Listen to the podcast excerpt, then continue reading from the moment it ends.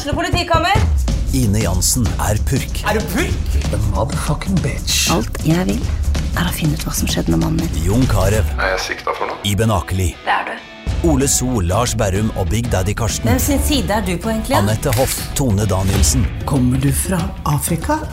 Jørnis Josef, Nesten. Kløfta. Trond Espen Seim, Det er synd å si det, men det var feil mann som døde. Purk. Premiere tirsdag på TV2 Play.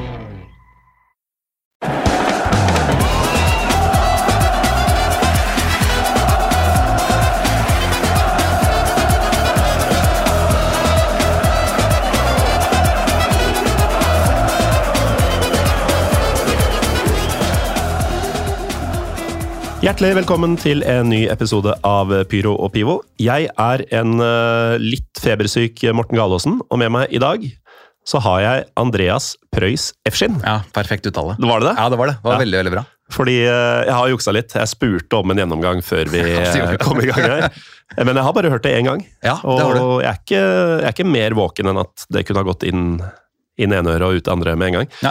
Men uh, velkommen til deg. Du er Tusen helt ny her. Hjertelig. Ja, dette er første gang. Mm. Det er jo stas som en fan av Piro og Pivo. Å, du er fan? Ja, jeg er fan. Jeg er det. Eh, Og får komme på besøk, da. Så eh, vi skal jo snakke om Iran. Ja, det skal vi. Ja, Det var ikke derfor jeg dro dit, måte, for å komme hit, men det er en god bonus. Nei, men det, Før du sa det nå, så tenkte ikke jeg i de baner. Men nå begynner jeg å lure. Ja, kanskje. Nå Kynisk. begynner å bli litt konspiratorisk. Ja. Men eh, du er ny her i Pyro Pivo, men du er jo ikke ny i podkast-gamet. Nei, det er ikke. Du driver en egen. Jeg driver en egen. Jeg eh, er jo vokst opp i en sekt, eh, sånn utgangspunktet. Ja, jeg så du hadde noe Vålerenga-greier på Twitter-profilen. Nei, den er fin. Ja, ja, den er god, den. 3-1 nå sist. Eh, jo, nei, jeg vokste opp i Jehovas vitner. Oh, ja. Eh, og var vel der i ca. 14-15 år før måte, min mor tok meg ut av den sekten. da. Eh, og så var det en lang periode hvor jeg ikke snakket om dette. her, for det, Som barn så var jeg jo kjempeflau Mm. over det å bli assosiert med noe jeg ikke trodde på selv også. Jeg Eh, trodde ikke på det før du ble tatt ut? Altså Nei. mens du var inne? Jeg kjøpte det aldri. Mm. men jeg, måtte, jeg ble jo tvunget til å gå sånn dør til dør på en måte, og selge inn det gode budskapet. og alt det der, Mm. eh, Som jeg var veldig lite komfortabel med. Så da jeg først kom meg ut av dette her, så la jeg på en måte hele opplevelsen i skuffen. Og så tok jeg den fram igjen typ sånn ti år senere og satte opp et show om det. Eh, fikk den terapien, eh, og startet også en, en podkast fordi sekter er ufattelig fascinerende. Og det er så Det er det. jævlig mye absurd der ute. Men eh, ok, jeg, har, eh, jeg lærte jo hva du heter før vi gikk i studio. Akkurat eh, linken til hvorfor du har en podkast om sekter, den fikk jeg i fleisen akkurat nå. Jeg gjorde det. ja, ante ikke noe om dette. Men jeg, jeg kjenner jo flere som har vært i spesielt den, da, i Jehovas vitner, og brutt ut. Mm. Og um, mange av dem har jo faktisk trodd på det, men likevel brutt ut fordi livsstilen eller hva det nå skulle være, ikke funker. Og det har vært hardt nok. Mm.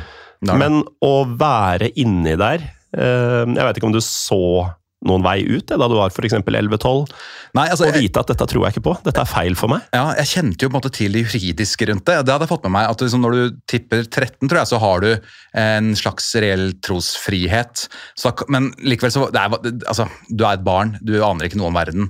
Eh, så da liksom mamma gikk ut, så var det en kjempelettelse for meg Mm. også. Det husker jeg veldig godt. Og hun hadde det jo beintøft. Hun ble jo skjelt ut.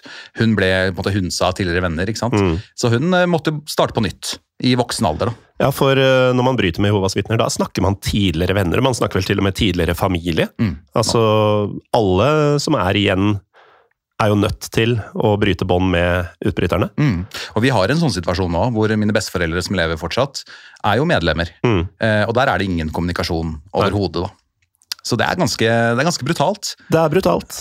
Um, og det, vi skal snakke mye brutalt i, i dag, Andreas, men eh, du er jo kanskje er, du mest eh, si, sektoverlever, eller er du mest fotballfan? Ja, jeg er nok mest eh, fotballfan. Eh, Mm. Og det, bare for å knytte de to tingene sammen, så var jo det en slags sånn friarena da jeg var liten. Det var idrett, og så særlig fotball. da. Mm. For kun, altså Jeg fikk jo ikke lov til å spille selv, det var forbudt, men jeg fikk se. Eh, så sånn VM 98, litt VM 94 til og med, faktisk. Mm. altså all, Alle de tingene der var jo høytider som jeg faktisk foretrakk å, å feire framfor da på en måte alle de Faktiske høytider. Ja, faktiske høytider. Eh, så, det, så det betydde utrolig mye, Mm. rett og slett. Fotball fra hele verden. Jeg, leste, altså jeg er en av dem som leste tabeller langt nede i ungarsk tredjedivisjon og de type tingene der. Spilte CM, alt sånt, og har den ballasten med meg videre. Mm. Ja, der var Jeg også, altså jeg vet jo ikke hvor gammel du er, men siden du sier litt VM 94 og 98, så er vi nok ikke så langt eh, fra hverandre. Ehm, det betyr antagelig at du, eh, eh, som meg, en gang i tida drev og bladde gjennom tekst-TV-tabeller. Ja, ja. Sånn gjerne én til to ganger i uka, egentlig. Ja. Begynte på den første, si det var Eliteserien, eller Tippeligaen, eller hva det nå het. Og så jobba seg oppover liksom gjennom åtte andredivisjoner, og så var det plutselig så var det engelsk, og så var det noe tysk, og så var det noe land du ikke skjønte hva var. Det var noe litt gøy over det. Ja, altså, altså, du, du ante jo ikke verken fargene, eller du visste ikke noen ting om verken landene eller klubbene. eller noe sånt. Men de navnene har satt seg altså så satt seg. Oipest, for eksempel. og hvem altså, som var sånne- gode og ikke. Og, Ja, ja, ja, absolutt. og det preger meg, preger meg i dag. Samme her. Sånn som det at det er Ferenc Varer som er tilbake i Europa fra Ungarn, Mm. eh, siden du nevnte Oipest, og ikke disse Vidi og Videoton og hva det nå het, alle sammen Mol. Eh, nå er verden tilbake i vater for meg, fordi Ja. jeg vokste opp med at Ferenc Varos var best i Ungarn. Og det betyr ingenting for meg hvem som vinner ligaen her. Det er bare at det er, nå er det sånn det skal være. Ja. Eh, og jeg husker jeg vokste opp med at Sampdoria var et sånn kjempestort mm. storlag, som også var en løgn på en eller annen måte. Men det, det henger fortsatt ved da, at Sampdoria er en av de største klubbene i Italia. Det er jo ikke det. Nei, største og beste, Ja, beste. trodde vi da. Ja. Med ja, Lombardo og greier. Å, ja, ja, ja. Oh. Men eh, en annen ting jeg gjorde altså Dette er jo mer eller mindre før internett. Uh, 98-VM så var det jo ikke helt uvanlig å ha fått nett hjemme, men en veldig eh, tidlig og primitiv utgave av det. Eh, så jeg dro ofte på Narvesen og kjøpte sånne her Match og disse engelske bladene, ja hvor det var side på side egentlig med kampfakta. Ja. Fra, og da var det sånn det var Premier League og hele divisjonssystemet, så jeg kunne gå gjennom sånn lagoppstillinga til Torquay, Ja. som var i ja, tredjedivisjon, som det heter, da, som vel er league 2 nå. uh, uten å ha liksom noe forhold til noe. Ja. Det bare skulle ha inn så mye data som mulig fra fotball. Der er vi helt like. og Jeg har den, jeg har den der VM 98-boka som kom i Boing. Mm. Eh, og Der fylte jeg ut altså, samtlige kamper med alle lagoppstillinger. Og i finalen så jeg noterer innkast til hvert av lagene. altså Hvor mange innkast Frankrike hadde og Brasil hadde. Det, er, mm. det var jo helt sånn, ja, det var dataalderen sånn hjernemessig. ass, det Ja. der. Ja, men det, er, det er helt sjukt hva man dreier med. Og akkurat det å, å lage en sånn bok, det er jo egentlig genialt. Mm. Fordi jeg gjorde jo det lignende ting eh, som barn, eh, spesielt i VM og EM. da. Eh, også en del Champions League-kvelder etter hvert. Ja. Eh, hvor jeg bare hadde en sånn vanlig tom blokk og fylte ut lagene i formasjon og sånn. Og skrev på når det var kort, og når man ble bytta ut, og hvilken posisjon det var. og sånn. Ja, ja, jeg- jeg kjenner meg så igjen. Det er derfor jeg sitter og gliser nå. Det er godt å høre. Eh, og så har vi jo blitt gamle siden da, da. Det har vi. Og ja, Du kan jo prate litt om favorittlag. altså Du nevnte Oipest, men det var kanskje et tilfeldig navn som dukka opp? Ja, det er tilfeldig. Eh, favorittlag er jo øh, Det er jo Vålerenga, som er litt sånn kjedelig å si, kanskje. Men jeg er jo født og oppvokst på Oslo øst, så det ble jo sånn, bare. Du er faktisk i den fulle rett. Takk, det er godt å høre. Eh, så det, det, det var jo på en måte det Pascal Simpson og Ronny Døhli og Viljugrein og gjengen der, liksom. Ronny Døhli var jo en kime til eh, konflikt mellom eh, oss og dere. Ja, stemmer det. Han, eh, hele Lillestrøm trodde at han skulle komme til oss fra Skjetten, Ja. og plutselig var han Vålerenga-spiller. Ja, Ikke sånn veldig god. Okay, ja. Nei, vi trodde nok begge at han var bedre enn Alisa. han var så rask, det var et eller annet med det som gjorde at eh, man fikk det inntrykket, men han var ikke bra. ble veldig fokus på død-delen av etternavnet hans da vi omtalte han. Ja, selvfølgelig ble det det. Og så kom Diallo, og så er det Ja, det var jo tider, det. Eh, men så, ble- det jo sesongkort på Ullevål etter hvert. Eh, Sølvsesongen kom, gullsesongen kom. eh, da var det jævlig gøy å følge norsk fotball. Og så har det vært veldig magre år siden den gang, men det er jo fortsatt sesongkort på østblokka nå, da. Så jeg er jo på hver eneste match og en del bortematcher og, og sånne ting. Ja, Du sier østblokka, så du er, du er stående supporter. Stående supportere, absolutt. Men uh, en liten fugl, det blir kanskje feil å si, for det var deg. Uh, noen uh, til meg før uh, sending at du har gått glipp av noen større kamper i det siste. Ja, jeg har det. Eh, glipp av Derby-seier nå. Mm, eh, hva blir det? Halvannen uke siden? Ja, snart to. Snart to uker siden, ja. Eh, og det var jo av en god grunn, da. Jeg hadde en, eh, et alibi, for å si det sånn. Ja. Og det var at jeg var i Teheran og satt og så den kampen på en sånn VPN-løsning der nede. ja. Mm. Det blir jo dagens hovedtema. Eh, det tror jeg folk har skjønt, eh, både av vår litt kryptiske intro og, eh, og av tittelen på episoden, som sikkert kommer til å være Teheran eller noe sånt. Jeg har ikke helt bestemt meg. Nei. Men uh, før vi kommer dit, uh, utenlandsk fotball altså, Vi kjente jo ikke hverandre i det hele tatt før jeg kontakta deg etter den tråden du hadde om nettopp Teheran-turen. Eller Iran-turen. Du var jo litt rundt i landet. Mm. Uh, men da har jeg jo skjønt etter hvert at du har jo vært opptil flere interessante plasser, eh, både med og uten fotball. Ja, absolutt. Og det er jo også en sånn interesse som har kommet kanskje de seinere årene. Eh, litt takket være typ podkaster som dette her, da. Hvor man da får et innblikk i andre fotballkulturer. Og så oppdager man selv at det å reise og se fotball gir deg et sånt mikrokosmos av hele landet. Ja. ja. Eh, og det er, så, det er så effektivt og fint, og du blir kjent med et land. Så har det blitt Serbia, masse kamper i Serbia selvfølgelig, som jeg trives dødsgodt i. Fant ut at liksom, Øst-Europa var jo et helt fantastisk sted å reise. Ja, og hvor skummelt uh, har man ikke tenkt at Øst-Europa er før man drar og sjekker det ut? Ja, helt riktig. Og så er det ikke skummelt i det hele tatt, stort sett. da. Stort sett. Stort sett, ja. ja. Uh, og så har det jo blitt uh, Nå i sommer var det jo måtte få med Albania, hadde ikke vært der. Men reise også ganske mye rundt i Albania. Én ting er kysten, som er på en måte invadert av italienere. Harry italienere. Eh, men så har du hele den fattige delen av Albania og dens historie. da, Med kommunismens fall eh, på starten av 90-tallet, økonomiske krisen, krigen, alt mulig sånn. Eh, og så tok vi en tur opp til Nord-Makedonia også, bare for å sjekke ut det. Eh, hvordan er det der oppe? Jo, det er jo dårlige veier, og det er, men det er jo jævlig interessant. Det er litt annerledes folk, det er en annen kultur. Eh, så, det kommer jeg bare til å fortsette med. Så det er helt strålende. Nydelig. Hva, altså, før du virkelig gikk av skaftet på disse utenlandsreisene, har du hatt noe forhold til, altså har du hatt noen utenlandske favorittlag? Ja, i mange år så Tottenham, og det er jo fortsatt et favorittlag. eh, og jeg har jo altså Der følger jeg jo kanskje linja som ligger her, at jeg er jo litt lei av kommersialiseringen. Litt lei av all etikken rundt eh, både VM og Premier League og alle eiere og sånne ting.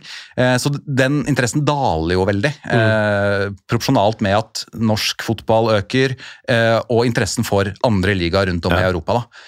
Er det, det er mulig jeg legger ord i munnen din nå, men eh, er det sånn, kjenner du igjen Tottenham i dag fra det Tottenham du eh, falt for som sikkert tenåring, eller hva det blir?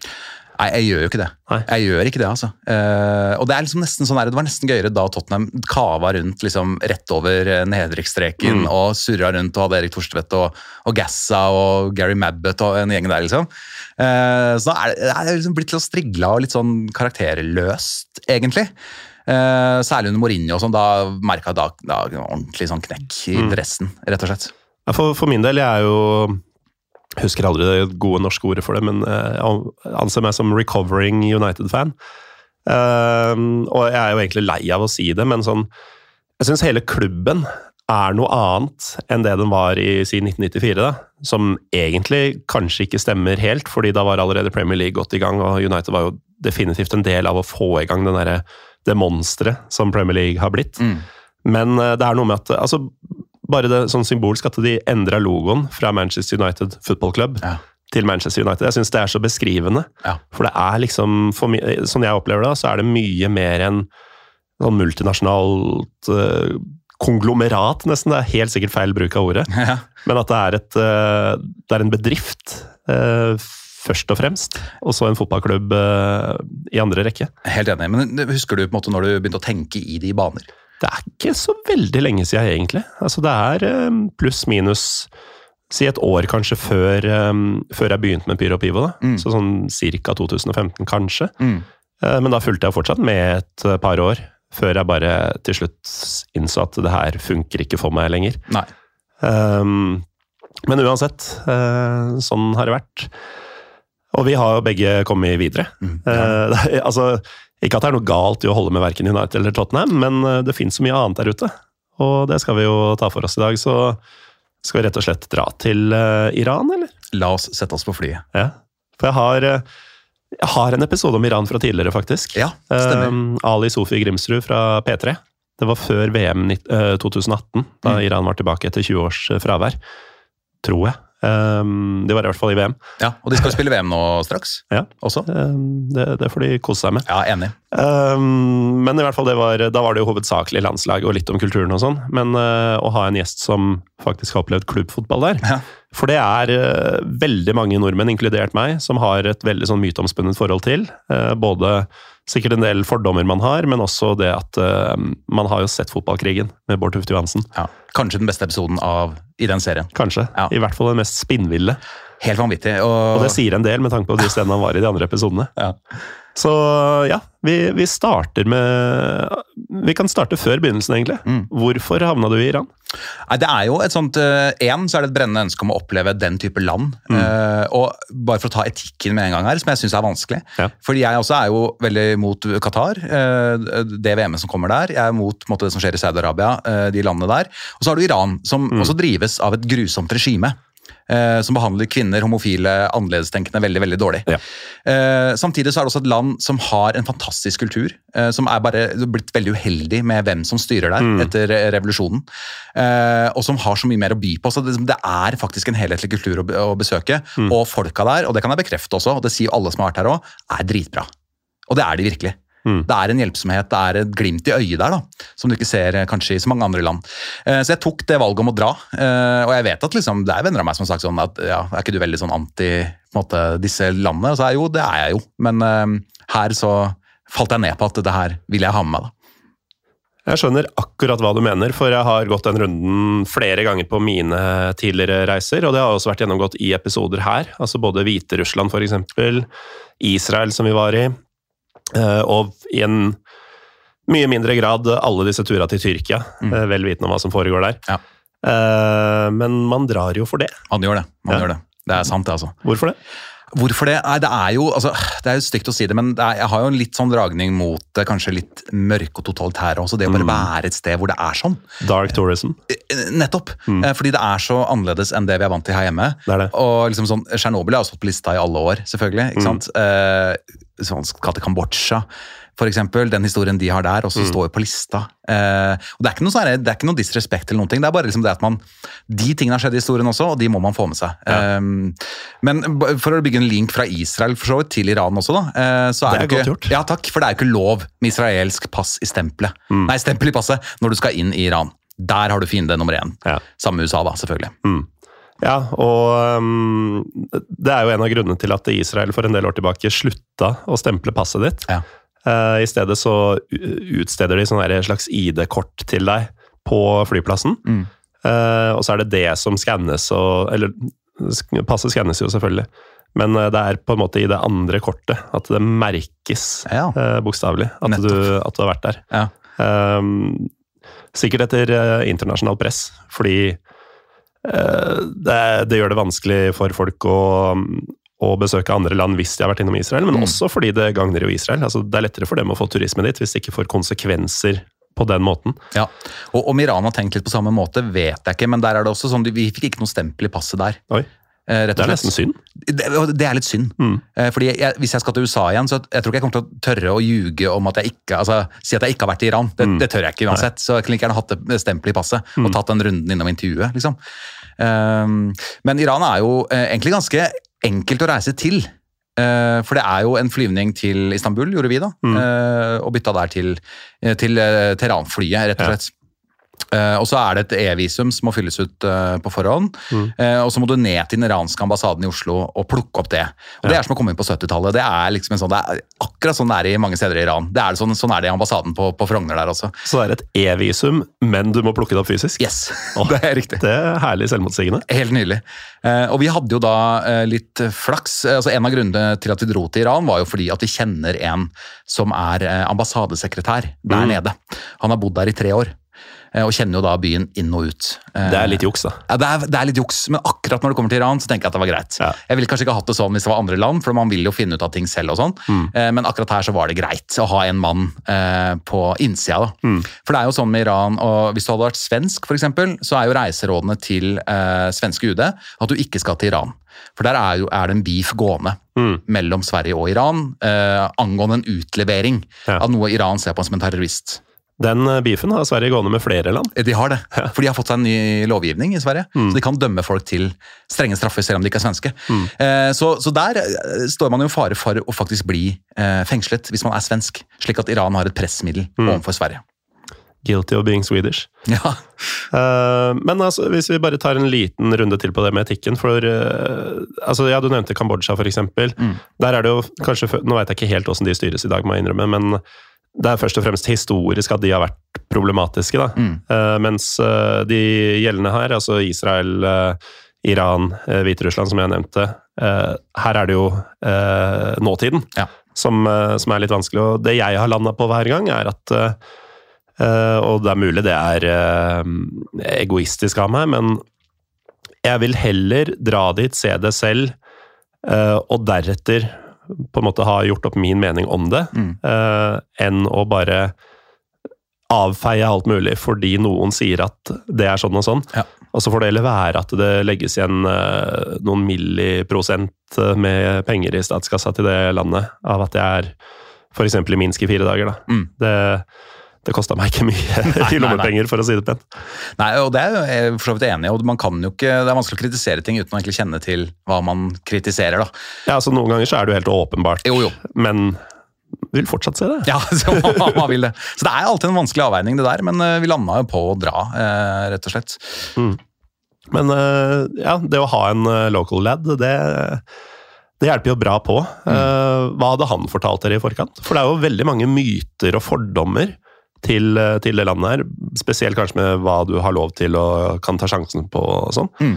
Eh, Jeg har jo håper jeg, kjent noen iranere selv som har fortalt meg at som utlending så eh, Hvis man skulle blitt tatt for å ha vært på en sånn illegal klubb og fått i seg en øl og sånn, så er ikke det noe stress. Mm. Eh, Det man har tenkt, er at da får du livstid i fengsel, liksom. Ja.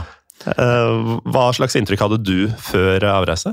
Jeg Trenger tror- ikke å ha kommet fra han nødvendigvis. Nei, men, jeg, jeg tror vi fikk et veldig sånn realistisk inntrykk av, uh, av Iran. For han, han skjønnmalte heller ingenting. Eh, han sa at det er altså du, Er du uheldig, så kan du ryke på en sånn type, altså en fengselsstraff for noe ubetydelig. Mm. Uh, men det avhenger jo litt av at de vil ta deg for et eller annet. Ja. Uh, så sjansen for at det skjer er kjempeliten, men den er større kanskje der enn andre steder da, Mm. man reiser til. Uh, og for min del jeg er jo ganske lite nevrotisk av meg. Eh, Så jeg sleit ikke så mye med det, men kompisen min er ha- hakket mer nevrotisk. Så han følte nok litt på det da vi sto i innsjekkingskøen og Ja, sånn. for dette er han som ble med deg ned, ikke Ja. han som bodde der. Han som ble med ned. Mm. Uh, og han eh, vurderte vel på et tidspunkt at det her blir litt heftig, men han ble med. Han Mm. overvant det og, og hadde det kjempebra. Uh, så nei, vi visste at vi gikk til en slags si, altså det, var, det var fare for noe, men Ja. mest sannsynlig så ville det ikke skje noe. Og um, ja, så dere har gjort øh, papirarbeidet, først digitalt og så fysisk. Mm. Eh, Dere har flydd via, via Istanbul. Mm.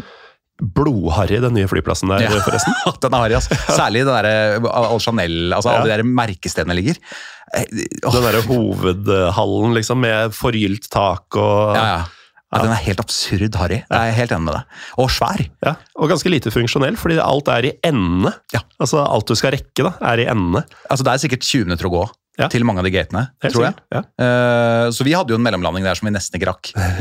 fordi vi var litt seint ute og sånn. ja, det er en grensekontroll, eller passkontroll imellom. Og, Ja, det er det også. Mm. Eller i hvert fall en uh, sikkerhetskontroll, tror jeg. Jeg Ja. pass. ja, nei, sant. Mm. Sikkerhet er jo verre, nesten. Ja, det er det. Uh, men i hvert fall dere kommer fram. Mm. Jeg antar at det var til et ugunstig tidspunkt, sånn typ fire om natta eller noe. Helt riktig. Ja. det er sant. Og alle flyene ankommer på natta i Ja. Teheran. Jeg tror de har eh, innenlandsflyvning på dagen. Mm. eh, Med sånne eh, altså svartlistede flyselskaper som flyr av gårde. Og så har de alle disse altså Lufthansa, eh, Turkish og sånn kommer på, på natta. Mm. Så de landa vel en, kan det vært da? Sånn halv fem-tida, tror jeg. Rett og slett, på flyplassen her. Det er klassiker i, i den regionen. Ja. Eh, I hvert fall når du har mellomlanding. Ja, det er det. Og det første vi måtte møte på der, eh, er jo passkontrollen, Ja. som er altså så slapp. Jeg har ikke vært borti lignende. Det satt et menneske så så vidt på oss, så så vidt i passet, og vi, vi har ganske nerver der, ikke sant? Ja. Står jo og er ganske nervøs før du skal sjekkes inn Man har respekt for en sånn passkontroll. Altså. Veldig. Veldig. Du Eh, er så naken, liksom. ja, man er det. Så vi sto med en finne. Eh, og alle tre glei rett igjennom. Det var Mm. ikke noe spørsmål om noen ting, og de så ikke på visa omtrent. Altså, det var sånn. Så det var nesten, nesten litt skuffende òg. Jeg hadde forventa altså, enda mer sånn noe, i hvert fall noe maskingevær av noe slag. Ja, Men vi- det var ikke det. Vi hadde sånn eh, på vei inn i Israel. Da var vi sånn forberedt på sånn eh, De kommer til å spørre om alt mulig. Hvor skal dere bo? Hva har dere tenkt å gjøre? Hvorfor er dere her? Og sånn. Bare hadde nesten forberedt svaret, som egentlig ikke er så lurt å gjøre, for så vidt. Men eh, så kommer vi dit, og så er det egentlig bare sånn Velkommen, hva skal dere her? Nei, oppleve kultur og sånn. Ok, velkommen. Mm. Det var på vei ut at den eh, runden kom. Ja. Da sto vi jo i 20 minutter og ble grilla. Hva har dere gjort? Og ja, Dere gjorde det, ja? ja, men det var ikke så mye 'hva har dere gjort', egentlig. Det var litt om det, og så var det For vi ble tatt, vi var eh, tre stykker. Og det var spesielt han første. Han ble tatt med til sida. Og så tipper jeg han sto der i et kvarter pluss. Mm. Og ble jo stadig mer sånn klø seg i huet, og du ser kroppsspråket er mer og mer frustrert og stressa. Og så hørte vi etterpå at det, mesteparten av spørsmålet hadde vært om oss. Oh, ja. Fordi han hadde sagt han var her med sine venner. Ja. Og da var det sånn derre Ok, hvor gammel er han? Hva jobber han med? Og han ene i følget, han er jo sånn herre IT-fyr, ikke sant? Det er jo umulig å forklare hvis du ikke er i det sjøl. Ja. Sånn something with computers. ja, nettopp. Og da blir det sånn her, ja, men du sa dere var venner, og du veit ikke hva han gjør engang. Og sånn. Å, fy fader, men det gikk greit, eller? Altså, Ja, dere kom, vi, vi kom oss hjem. ja, dere kom dere hjem. det er godt. Men det, det at vi hadde vært på Vestbredden og sånn, det tror jeg ikke kom opp. det gjorde ikke det, nei. Nei. Ja, det er interessant. Mm. Hæ. Ja. Nei, altså, er- så, så innreisen gikk superfint, og da kommer man ned og skal hente bagasjen, og det første vi egentlig støter på der, er vi går på do, da. Ja, det er jo sånn hull i bakken-do. Altså ordentlig sånn skitten. Og det er standarden der, eller? Ja, det er standarden der. Eh, hull i bakken-do, og så en fyr som satt og sigga barbeint innpå do, liksom. Altså, det var sånn, ja, ok. Barbeint på hull i bakken-doene? Jeg lurer på om det var rett etter en bønn. Ja. Så han hadde tatt av seg eh, skoene for å be. Mm. Og så var det opp, opp med siggen og satt på vasken, og vi måtte liksom gidde å flytte der, for vi må tørke hendene her og sånn. Eh, så det var jo sånn deilig velkomst, eh, rett og slett. Og så Mm. Nå var er det genuint. Ja, ja, ja. Dette er ekte. Eh, fikk bagasjen, gikk fint, og ut gjennom en sånn tollsjekk, da. Hvor Mm. du må skanne, skanne bag og sånne ting. Hva er det du ikke har lov å ta med inn her? Altså, Jeg skjønner svin og alkohol og sånn, Ja. men eh, er det noe spesielt man må passe på? Nei, altså jeg, jeg var litt bekymra for snus. Uh, jeg hadde med ti ruller, eller ikke ti ruller, men ti bokser snus. Uh, og han uh, på ambassaden snusa også, han sa at det går helt fint. Men det er, likevel så er det alltid litt sånn stress Ja. når du skal gjennom sånne sjekker. Eh, men det gikk også helt fint, så jeg vet ikke om det er noe sånn spesifikt som de henger seg opp i. Det vet jeg ikke. En ting jeg har hørt, eh, det blir du ikke tatt på i, i den sjekken, men eh, jeg har hørt at det er at det ikke er lov å gå med shorts. Ja, det er riktig. Det stemmer? Mm. Så det gjelder å time tiden på året ganske bra. Ja, For drar du ut i juli, så dauer du. ja, det gjør du. Og vi var der nå nylig, og, det var varmt. Det var jo opp mot 40 grader. Mm. Eh, og det er buksepåbud, ja. Ja. Med mindre du er ute og jogger, og ingen jogger i den varmen der. Så, så det er bukse hele veien. og liksom det var, Da måtte du kjøpe noe linbukse og noe drit, da, for det Mm. blir varmt. ass. Sydenlooken. Sydenlooken, virkelig. Men så er jo Teheran en by som eh, er velsignet med veldig sånn tørt, en tørr, tørr luft. da. Det hjelper. Eh, ja, det hjelper veldig, faktisk. Og mye skygge der og sånn, så det gikk, det Mm. gikk greit. Overraskende greit. For eh, altså, det finnes nok av byer som ikke er eh, tørre når det er varmt. Ja. Du, du har jo i likhet med meg vært i Istanbul. Yes. Eh, det var på sommerstid, det òg. Ja. Da renner det bra. Altså. Ja, ja. Det er grisevarmt, liksom. Ja, og den, den fuktigheten er helt crazy. Helt jævlig. Det er det. Men det slipper man i Teheran, for den ligger jo veldig høyt, byen. Mm. Eh, Nesten oppå fjellet omtrent. ikke sant? Den ligger jo, Teheran betyr vel noe sånn eh, ved foten av fjellet, Mm. og så er det et svært fjell eh, bak der. Eh, så det, det gikk bra, eh, men det er jo et helvete. Altså Kleskodene i Iran er jo et helvete, rett og slett. Eh, og der har du jo alt fra altså kvinner, veldig liberale kvinner som har eh, på en måte hijaben veldig langt bak på hodet. Ja. Og gjerne eh, i sterke farger, eh, pynta. Og så har du den veldig konservative gjengen, da, Mm. som går i disse heldekkende plaggene. Ja, det, det høres jo fascinerende ut i seg sjøl. Altså, fordi de som har det veldig langt bak, nesten sånn tilfeldig slengt på. Ja. At uh, du ser jo mer hår enn det skjuler. Ja, ja, ja. Eh, de følger også samme loven De som de med heldekkende. Det gjør det. Eh, Og så er det veldig mye neseplastere der. det er det. Ja, det er det, altså. Og det er det jo Tyrkia òg. Det er det. Det er Men eh, der, eh, der er det jo enda mer etter hvert blitt uh, sånne pannebånd og hårplugger. Ja, stemmer det. det. Og det var det mye av i Iran òg. Ja. Det var det. Og det, altså, jeg, jeg kan si dette fordi jeg er skalla. Uh, og jeg skjønner at folk ikke vil være skalla. Uh, mitt råd er jo selvfølgelig å eie det, men mm. jeg, jeg blir faktisk kvalm av å se folk gå rundt med de fargede pluggene stikkende ut i sånn veldig sånn uh, mønster. Ja. Jeg, jeg syns det er så ekkelt Det å se er veldig rart. Ja. Det er veldig, veldig rart. Og det blir man jo vant til etter hvert der nede, fordi Mm. alle Det er overalt. Det er overalt. Ja. Det er det. Eh, og så møtte vi jo da vår mann eh, rett og slett på flyplassen, eh, og han har jo bil med diplomatskilter. eh, som er litt deilig. Sitte i en bil med diplomatskilter. Svær bil fordi trafikken i Iran Du har vært i Istanbul, du vet at den er helt jævlig der. Mm. Gang det med fire-fem, altså, i Teheran. Ja, for dette er en svær, svær by. Ja, den er svær. Men den er ikke stor nok til å huse alle de menneskene som bor der. Nei. For det er en rundt 11-12 millioner offisielt, tror jeg, som bor i Teheran. Eh, og den er så stappfull, den byen. Mm. Helt ekstremt.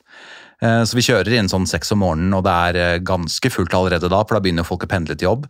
Eh, og så sitter vi og hører på iransk FM-radio, og da, klokka seks presis, så blæster de nasjonalsangen. Kanonhøyt. liksom. På radioen. På radioen. Ja. Ja, ja. Det gjør de. Og det gjør de hver dag, da, sikkert. Ja, det tror jeg. Mm. Så vi kjører jo inn til Teheran med soloppgang og den iranske nasjonalsangen på anlegget. Ja, ja, selvfølgelig. Det er jo veldig riktig måte å det er, det er som å komme inn i Las Vegas med Viva Las Vegas på anlegget, liksom. Det er jo det. Uh, men ja, uh, så dere blir henta på flyplassen da? tidlig opp, han kompisen deres.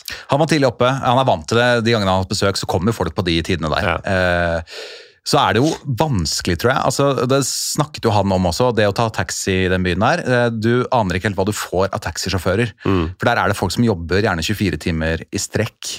Gjerne, en del rus også, har jeg skjønt, eh, blant iranske taxisjåfører.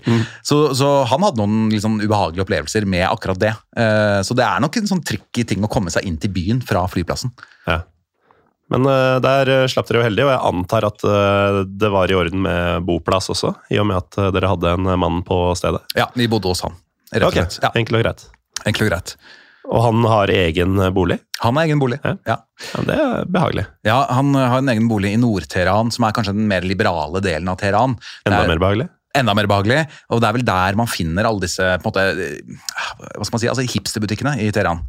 Ja. Ganske mye kule møbelbutikker, ganske mye sånn fete kjøpesentre i den delen av Teheran. Mm. Eh, så der bodde han, da. Ja, altså, hva er en iransk hipster? Ja. Er det rett og slett Ali Sofi Grimsrud? Ja, litt faktisk. Eh, kanskje enda mer karikert. Ja. Eh, fordi, eh, men også fetere enn norske hipstere. Mm. Det er en slags sånn gjennomfører, altså det er- er gjennomført på en annen måte. Eh, og så er det liksom, det er god smak da. Det er ikke kult for å være kult, men det er kult med en god smak der. Mm. Eh, så vi endte opp med å gå rundt i de butikkene der, og det går utapå løkka, liksom. Det er ikke noe tvil om det. Mm. Eh, og kule folk, veldig pene folk selvfølgelig, som jobber i de butikkene. Ja.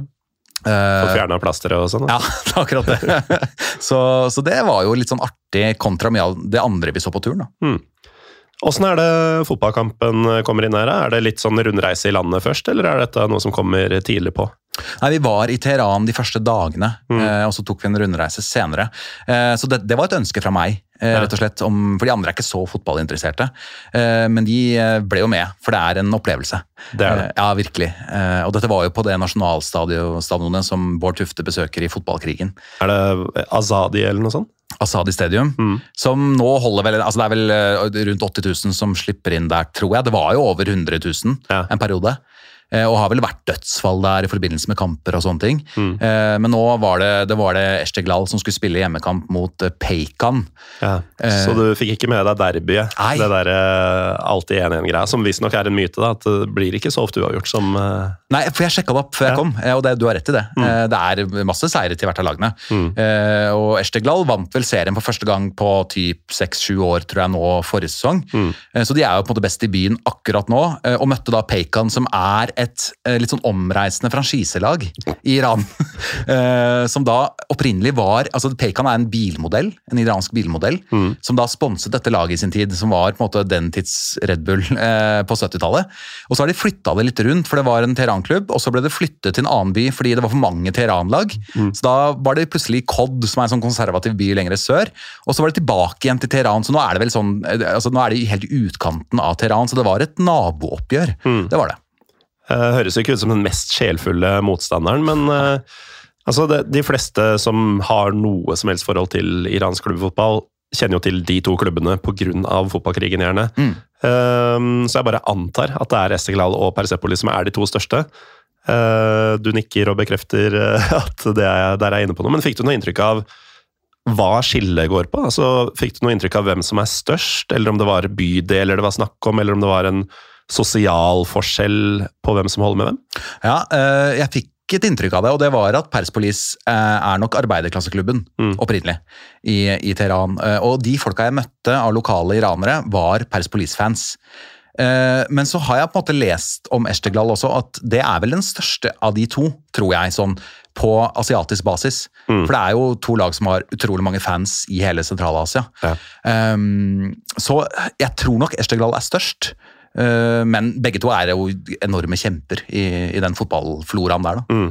Og det er jo da blått mot rødt, Yes. som det bør i et eh, derby. Mm. Uh, Peikan, hva stilte de i? De, stilte, de er også blå, men de stilte i hvitt, da, så de er bortedrakter. Mm. Ja. Åssen var eh, altså Bård Tufte måtte jo ligge i telt i et par dager for å få billett til derbyet. Mm. Jeg antar at det var litt lettere på en vanlig ligakamp? Ja, det var det. Eh, det er vel, billettene ligger vel ute til sånn 50 spenn, tenker jeg. Mm. Dette ble ordna gjennom ambassaden, skal sies. Så det er litt, sånn, litt flaut å si. Men vi fikk jo billetter i hånda. Men um, det var vel Jeg tipper det var en 30 000-35 000 inne på Mm. stadion. Og det ser jo litt glissent ut, men det var jo mye folk der. Det er mye folk. Ja, det det er er litt sånn Hertha Berlin-greie, det. Ja, det er det. Um, men ja, eh, åssen er kampdagen? Altså, jeg regner med at det ikke var så veldig mye sitring uh, i magen til de to andre da dere våkna den dagen, men uh, selv de kjente litt på det. Ja. At dette her er noe litt annerledes og spennende.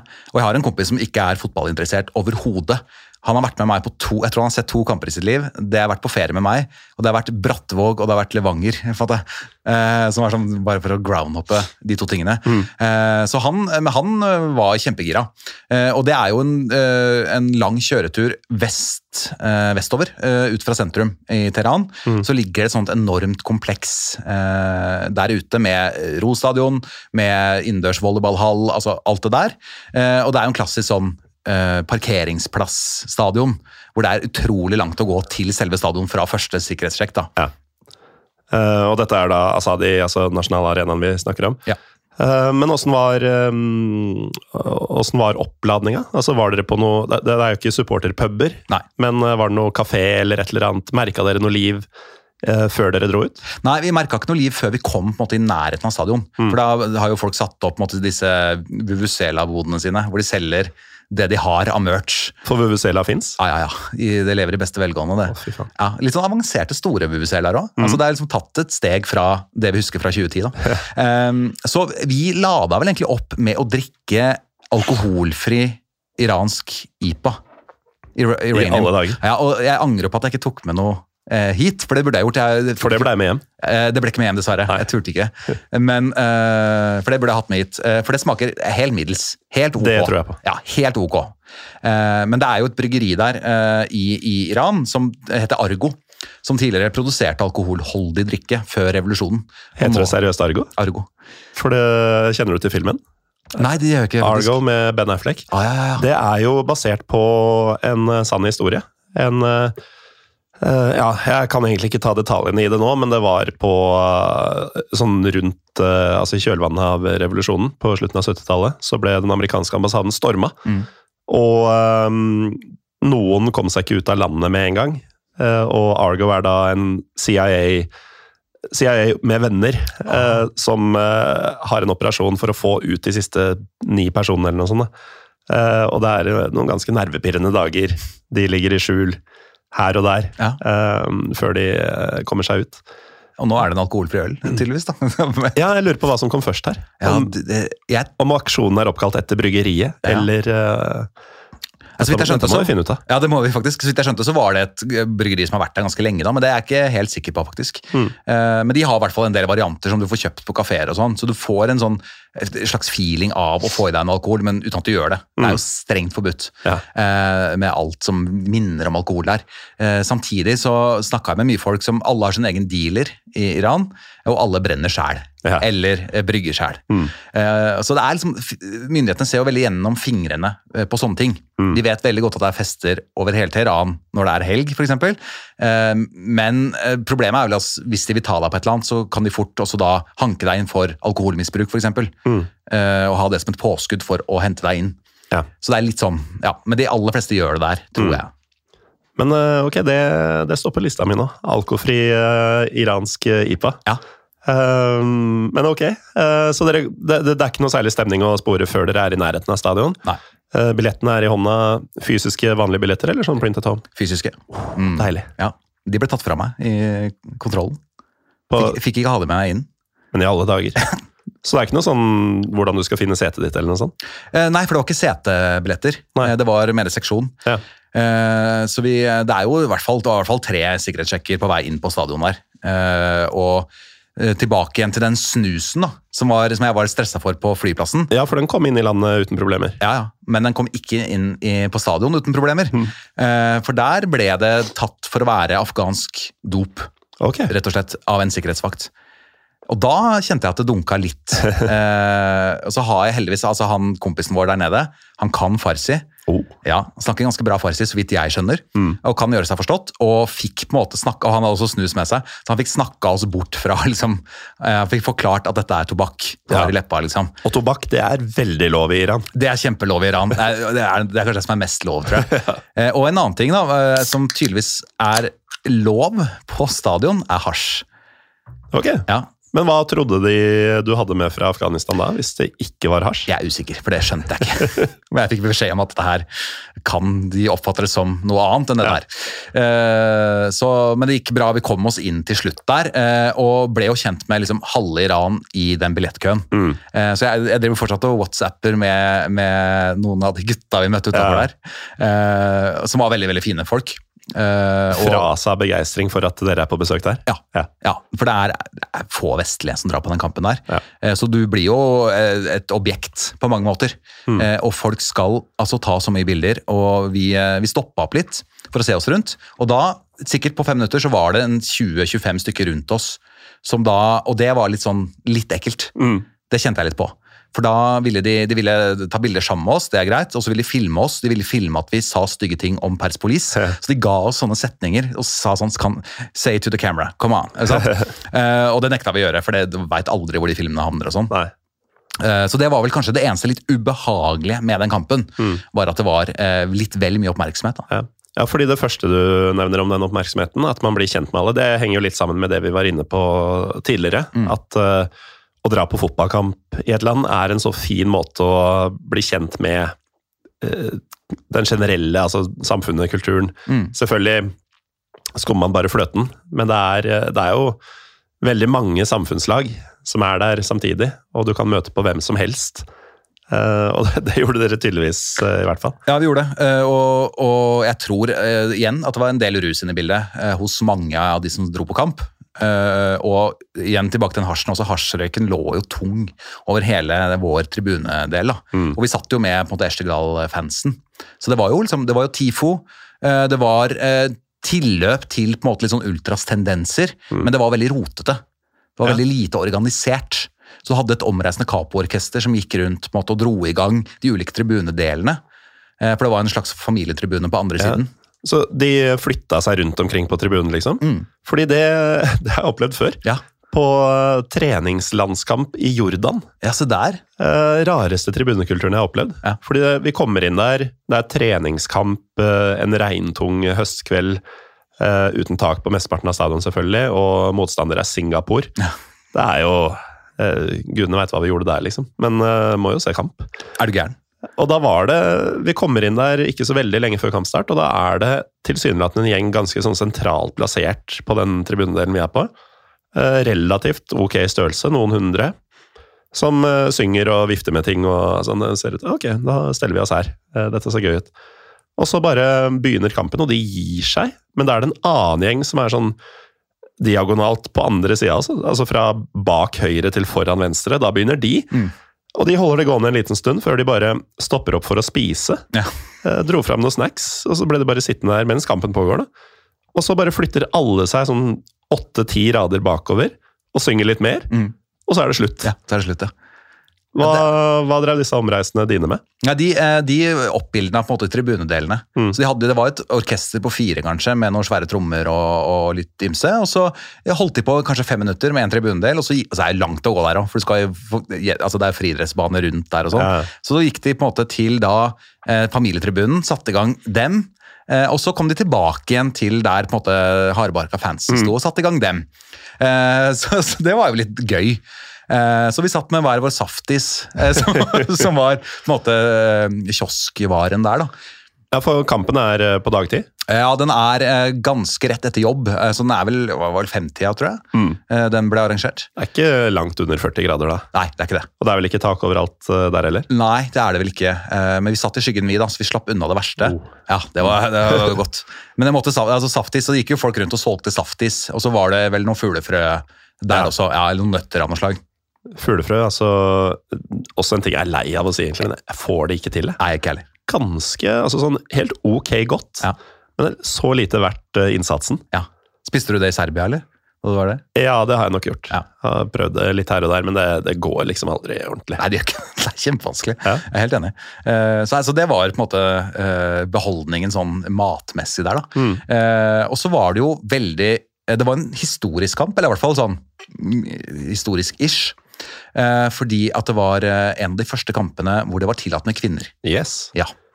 Det, det er jo en myte som eh, knuses litt her. Ja, det er det. Og jeg tror at det var rundt 2019, rett før pandemien, at de hadde sin første landskamp hvor det var tillatt med kvinner. Mm. Og jeg mistenker, uten at jeg vet det sikkert, at Fifa har lagt et slags press på Iran. For Iran ønsker å arrangere typ Champions League-finale i Asia og de Ja. der. Og det får de ikke gjøre hvis de ikke da slipper inn kvinner. Nei. Så det gjorde de her. Det gjorde de her. Eh, De satt jo selvfølgelig lengst unna. Eh, Altså virke sånn oppi hjørnet i den ene svingen. Ja, for det er selvfølgelig segregering. Ja, ja, ja. Altså, i, større grad enn bortefans eh, ville blitt segregert, antagelig. Ja, det er det. Mm. Og vi holdt på å vandre inn, vi gikk jo feil da vi skulle inn, så vi gikk- holdt på å gå inn i kvinnesonen. Ja. Og da var det, kom dere til helvete andre veien, liksom. Ja. For det skal, vi skal ikke ha noen blanding her. Nei. Men de lagde altså så bra liv. Mm. De var, de var enerne på tribunen. Det var kvinnene. Ja, for jeg har sett Du har jo på Instagrammen din, Mandreas. Ja. Eh, så har de jo en ganske forseggjort eh, story. Jeg vet ikke om du har åpen profil, men ja, da kan jo hvem som helst gå inn der og se den. Mm. Eh, Det er jo lov å følge deg òg, selvfølgelig. Veldig gjerne. Men de ser mange ut. Mm. For jeg la merke til det at det var en kvinnetribune der, Mm. og den var godt besøkt. Veldig. Og de lagde bra liv, og det, det var mer koordinert. Det var bedre, altså de, de samhandlet bedre enn gutta som satt Mm. i svingen med oss. Og så var det en sånn fin, litt rørende call response-del der. Hvor de ropte, jeg tror det var Esheglal, de ropte til hverandre eh, og tvers over der. Mm. Eh, så det, det, og det var liksom sånn rørende på ordentlig, samtidig som det er vondt på en annen måte. da. Ja. Så dere sitter der, og mm, det er et omreisende orkester, det er kvinner i horisonten. Eh, saftis og fuglefrø på, på menyen. Ja. Kampen, da? Kampen er kjempedårlig. altså virkelig trolig lavt nivå på det som ble prestert der. Og der ble jeg skuffa, for jeg hadde forventet at iransk klubbfotball skulle være på høyere nivå enn det vi fikk servert der. Det i ble- Hvis det er den regjerende mesteren deres i reaksjon. da. Ja. Eh, Det ble 0-0, eh, så det var ikke noe mål, selvfølgelig. Det var nesten ikke sjanser i den kampen. Mm. Og et sånn taktisk, taktisk nivå som var skremmende lavt. da. Eh, Det var så mye personlige feil og rare avgjørelser, og skulle nesten tro den var fiksa på en eller annen måte. Mm. Fordi ja, det var, det var Obos bunn, eh, bunn Altså Raufoss mot typ liksom eh, Skeid. Eh, Det var liksom der. Ja, det høres eh, både fryktelig og flott ut eh, på en gang. Ja. Eh, så ikke den største opplevelsen sånn kampmessig, men det, du sitter igjen med at det her var verdt å få med seg. Ja, ja. Det var så fett. Jeg satt liksom med ståpels omtrent hele veien, med visaet mitt og noen passkopi, eh, som er første gang jeg har med på kamp. Eh, og så ble det jo fullere og fullere, for trafikken igjen er så dårlig der at folk kommer jo i løpet av hele kampen. ikke Ja. Eh, og så Vi ble omringet der også på tribunen, eh, og da var det I love Norway og Have you been to Hokksund og sånn. for der var det noen, som, noen folk som hadde på en måte slektninger i Hokksund, Ja. tipper jeg. da. Ja, det må Eh, ha vært det. Ja, det må ha vært det. Eh, Det, det er sjukt når man drar til steder hvor man har en ganske god diaspora i Norge. Mm. Så de, de har forhold til så obskure steder. Ja. Det var Molde, og så var det Hokksund. Ja. Så ja, det stemmer jo den teorien. Hokksund over Molde hver dag. ass. Er du gæren? Selvfølgelig. Selvfølgelig. Eh, men eh, jo, dette med trafikken, eh, åssen var det dere kom dere ut dit? Vi kjørte i diplomatbil. Ja. Da var det samme veien eh, ut igjen. Ja. Åssen gikk det? Når alle faktisk hadde ankommet, og 40 eller 30 pluss 1000 skulle ut? Vi var smarte, så vi tok, dro to minutter før kampen var ferdig. Ja. Du var med på banehopperpodkasten Kald kaffe også denne uka, ikke sant? Sa du til dem at du gikk før Ja. eh, ja. Hva, hva var responsen der? Nei, de skjønte det veldig godt. Ja. Men det var fordi at jeg, det var bare sånn bevisst at eh, jeg orker ikke sånn omringing. Jeg orker ikke den korken der. Å stå med masse folk rundt meg. Eh, Så det var egentlig bare sånn, Jeg er enig i det at man, jeg pleier å bli i kampen ut, men akkurat her så var det, det var litt sånn helse foran. Ja, foran. Må man, så må man. Ja. Eh, Jeg er ingen purist på akkurat det der, men eh, jeg kjenner jo de gutta litt, og de, de kan være fæle. Mm, de kan man. Men eh, ok, så dette, hvilken dag i uka snakker vi her? Det var en tirsdag, Ja. av en eller annen merkelig grunn. Eh, Den iranske eh, måte, runden er spredd veldig. Så Perspolis spilte mandag, så var det én kamp på tirsdag. Så jeg vet ikke helt hvordan opplegget der er, egentlig. Mm. Så det var, ja. Så vi Det, ja, det, ble, det var, var en tirsdagskamp. Ja. Ja. Så det var ikke noe sånn typisk eh, 'nå skal vi slå ut håret'-kveld, sikkert. Men dere er jo unge menn på ferie, så kvelden var ung. Kvelden var ung, Eh, ja. vi, vi må jo snakke litt mat og drikke også. Veldig gjerne. Ja. Eh, og jeg har jo blitt liksom eh, Tidligere så jobbet jeg, uten å kunne noe om te, så jobbet jeg i tebutikk. Eh, Le Palais de Te eh, her i Oslo. Ja. Eh, Tepalasset. Tepalasset, ja. Eh, og ble jo litt sånn litt gira på te. Syntes det var godt, liksom. Og litt interessant. Eh, og så blusset den interessen litt opp igjen nå, da jeg var i Iran. For teen her er så fantastisk god. Ja, det er det de koser seg med. Ja, det er te. Med Det er en sånn, sånn- sukkerstang i, Ja. som smuldrer opp i teen. For det, for det er sånn kanskje største Altså, det har vært sånn herre Om Istanbul spesielt, da. Eh, Så har det vært sånn slager sånn Minarays and miniskirts Ja. for å beskrive forskjellene på folk i byen der. Mm. Hvor eh, eklektisk befolkninga er. Og for min del så har eh, på en måte den største eh, Det største symbolet for meg når jeg er i Istanbul, på hvor forskjellige folk lever, er når jeg skal møte mine lokale venner der, og vi skal jo drikke i gata og sånn. Og på vei dit så går vi forbi x antall sånne eh, kafé, sånn hjørnekafeer, hvor det sitter gamle menn på små krakker utafor og drikker te hele dagen, og virker som de storkoser seg. Ja. Og jeg bare tenker fy faen så kjedelig dere har det i forhold til oss. Ja. Men det virker jo faktisk som om det går an å kose seg med te. ja, det gjør det, men da trenger man gjerne en vannpipe ved siden av. da. Og det ble en del vannpipe. Ja, for det også er eh, veldig lov. Det er jo Ja, tobakk. ja, ja, det er tobakk, ja. Ja, Det er kjempelov, eh, og det er noe alle gjør. Eh, Så vi, vi Man kjøper en vannpipe der man er, og så sitter man og patter på den. da. Ja. Sender den rundt og sånn. Og det er altså så kos. Det er det. Ja, jeg har falt skikkelig for det. Ja. Jeg gjorde det. En av, en av mine favoritterfaringer med vannpipe, det var i Amman, Mm. på samme Jordan-tur som nevnt tidligere. Da er det to vannpipesjapper rett ved siden av hverandre, på det som jeg tror heter Rainbow Street, som er sånn en slags hovedgate for kafeer og sånn. Uh, greia var at uh, vi hadde lyst på det, men vi hadde også lyst på øl. Mm. Så har de sånn innkastere. Dette er midt på dagen, det er ikke sånn fredag kveld. Uh, og begge sånn, ja, kom hit, dette er det beste. Nei, kom hit i stedet, dette er det beste. Og så snakker vi med begge to, da, bare sånn, ok, vi kommer til den av dere som også har øl. Ja. Eh, og det hadde jo ingen. Nei. Men den ene var eh, nabo med Begge var jo for så vidt naboer, men den ene var nærmeste nabo med en liquor store. Ja. Og så sier han innkasteren der, da, veldig smart, at kan dere ikke gå dit og kjøpe en øl, og så kan dere stå her ute og drikke den. Og når dere har drukket opp, så kan dere komme inn og røyke vannpipe hos oss. ja. Og så sier jeg bare at uh, det, er, det er vel ikke lov. Altså I Norge så kan du ikke stå på gata og drikke. Og da får jeg det deiligste sånn derre fuck Frp-svaret jeg noensinne har fått. Da sa han eh, innkasteren at My friend, you're not in Norway now, you're in Jordan. ja. Det er nydelig. Ja. Ja, helt, uh, Dette er et arabisk land, her kan du fint drikke øl på gata. Ja, tenk det. Det er et paradoks, altså. Ja, det var herlig. Ja. Eh, øl på gata var ikke lov i Iran, men det var jo vannpipe, som sagt. Eh, og vi dro jo da opp til Og det er litt sånn turiststed å dra, eh, men det som heter Darban, eh, som ligger på en måte eh, ut av byen nordover, altså opp mot fjellet. Mm. Der har de bygget en sånn eh, Det ligger ganske mye, mange restauranter i fjellsiden som alle har på en måte sånn eh, Hvor du sitter på persiske tepper. Ja. Eh, sitter, altså Ikke noen stoler, eller noen ting, og så spiser du på en måte på piknikmåten. da. Eh, og- Mm. Med henda, eller? Eh, nei, det var bestikk, faktisk. Ja. og det er veldig glorete, det er veldig harry, hele greia. Eh, men også veldig vakkert. Ja, man må Rar- gjøre det. Man må gjøre det. Kjemperar blanding. Så du sitter og ser på solnedgangen bak fjellet, røyker vannpipe, spiser kebab, selvfølgelig, som det var veldig mye av, og spiser store mengder ris. Ja.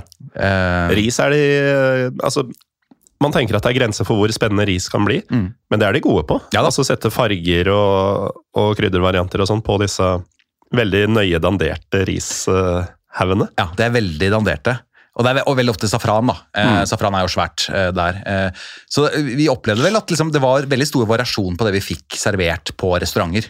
Det Mm. var det virkelig. Altså, det, er, det, er, det var mye som ikke funka så bra der. og som er litt sånn, Det er litt slapt, det er litt for få ingredienser, det er litt for enkle retter. Ja. Eh, og så sier jo alle som har bodd i Iran at du må dra hjem til folk. Der er jo maten helt fantastisk. Og det tror jeg på. Mm. Ja. Men på restaurant så var det sånn, ah, det var litt sånn middels. Jeg setter Tyrkia veldig mye høyere enn Iran i matfronten foreløpig. Det er litt sånn eh, inntrykk jeg har av eh, iransk mat, er at det er, etter min smak, da, litt eh, mye fokus på sødme. Mm. At det er, liksom, det er fort gjort å slenge inn noen rosiner i, Ja. i risen eller sausen, og frukter der uh, i hvert fall min hjerne sier at her trenger du ikke frukt i, i det, en ellers savory rett. Mm. Uh, Og mye aubergine. Ja, Veldig mye aubergine. Skal klemmes inn overalt. ja, aubergine er så- Altså, det lønner seg generelt i uh, Altså fra Øst-Middelhavet og østover Mm. å være glad i aubergine hvis du har tenkt å få en uh, ok reiseopplevelse. Det er godt sagt, For faktisk. For det gjør det. Det er svært innover der. Ja, det er dritsvært. Ja. Det er det. Uh, Men det, ja, som sagt så er det veldig mye kjøtt, selvfølgelig. Mm. Og kebab tilberedt på ulike måter. Som jo er godt, selvfølgelig, men du blir jo lei ganske fort. Ja. Og de på ambassaden de var dritlei iransk mat. Så de oppsøkte på en måte alt det vestlige de kunne finne. Ja. Um, Og da Hva er det vestlige du kan finne? Så jeg tror jo i utgangspunktet ikke at det er KFC og Mækkern og sånn. nei, de har vel en egen KFC som, eh, hvor de har liksom tatt bort sin. Det er bare KF eller noe sånt. uh, og så har de masse pizzasjapper. Det er pizza, og det var ganske bra. Okay. Ganske solid pizza. Mm. Uh, Mækkern så er det ingenting av der. Altså, det, er, eh, det er et svært bilde, et veggmaleri, hvor det står at USA er Satan. på en måte. Så Ja. de holder seg nok unna de franchisene der. da. Mm. Men eh, vestlig mat i, eh, i annen innpakning, Mm. det fins. Mm. Um, apropos det, altså hvor mye Khomeini-malerier og flagging og det derre ja, propagandaaktige nasjonalsymbolene så man? Masse. Eh, alle butikker har jo bilde av han Ja. eh, hengende. Eh, og så var det jo Det var høytidsmåned, det var martyrenes måned da vi var der. Så alle moskeer og alle bygninger var drapert i typ sånn Noe som ligner litt på sånn IS-flagg. Ja. Altså skrift på det er en annen type skriftform, selvfølgelig, Ja. men det ser litt sånn ut likevel. Mm. på mørk bakgrunn med noen røde detaljer. Så det så, liksom, Alt så liksom brutalt ut overalt. Ja. Um, men det, var masse, det er masse bilder av uh, øverste ledere. Det er, det er ikke noe tvil om hvem som styrer det landet der. Det er det Og flyplassen er oppkalt etter han. Mm. Uh, ja. Nei. Var det, Opplevde du at folk ville snakke om det? Altså jeg, jeg har opplevd mye på iranere andre steder i verden. At de er veldig sånn på å si at vi er ikke som våre ledere. Mm. Er kanskje litt vanskeligere for dem i Iran å snakke sånn? Ja, det var, det var nok litt mer sånn eh, de vi møtte der, eh, og som vi snakket med dette om. og Der er man jo litt sånn forsiktig når man spør om ting også. Eh, Men de var vel sånn, de skjønte veldig godt at de var ikke fan av ledelsen. Mm. Men de var ikke veldig sånn eh, eksplisitte da, Nei. i hva de mente egentlig. Nei, eh, nå har du skjønt det, la oss gå videre, liksom. Ja. Mm. Ja, det, det var litt sånn. Eh, Så jeg tror ikke du skal si for mye dumt der før du havner på en eller annen radar. da. Det tror jeg ikke. For de er jo redde for opprør, og det er jo liksom Det er jo ulmer jo litt i det landet. Ja, og det har de gjort i flere tiår. Ja, Eh, Så har de vært eh, skremmende gode på å slå det ned, veldig. men det kommer en dag. Det kommer en dag. Eh, Og det var vel sånn hijab-opprør også for ikke altfor mange år siden, hvor kvinner sto og brant hijabene sine på gatehjørner. Ja. Eh, Det ble også slått ned, selvfølgelig. Eh, Men at det kommer til å skje noe der en dag, det skal du ikke se bort ifra. Men du var jo, nå har vi snakka veldig mye om Teheran. Ja. Du var jo litt rundt omkring ellers. Altså, hva vil du ellers anbefale sånne som meg, da? Mm. Som jo har mer eller mindre konkrete planer om å dra til Iran før eller siden. Ja. Eh, hva, hva bør jeg få med meg? Nei, du bør få, Vi dro på en måte det som også kalles turistruta, uten å være det. For det er jo ikke vestlige turister der, f.eks. Mm. Eh, Men vi dro til eh, først til byen Kashal. Da kjører du sørover, inn i ørkenen, som er et mektig skue. Kjør i, i, når sola går ned der. Det er Mm. helt utrolig. Eh, og der, Det er jo en mer konservativ by. Altså Det er jo en by på størrelse, litt mindre enn Oslo.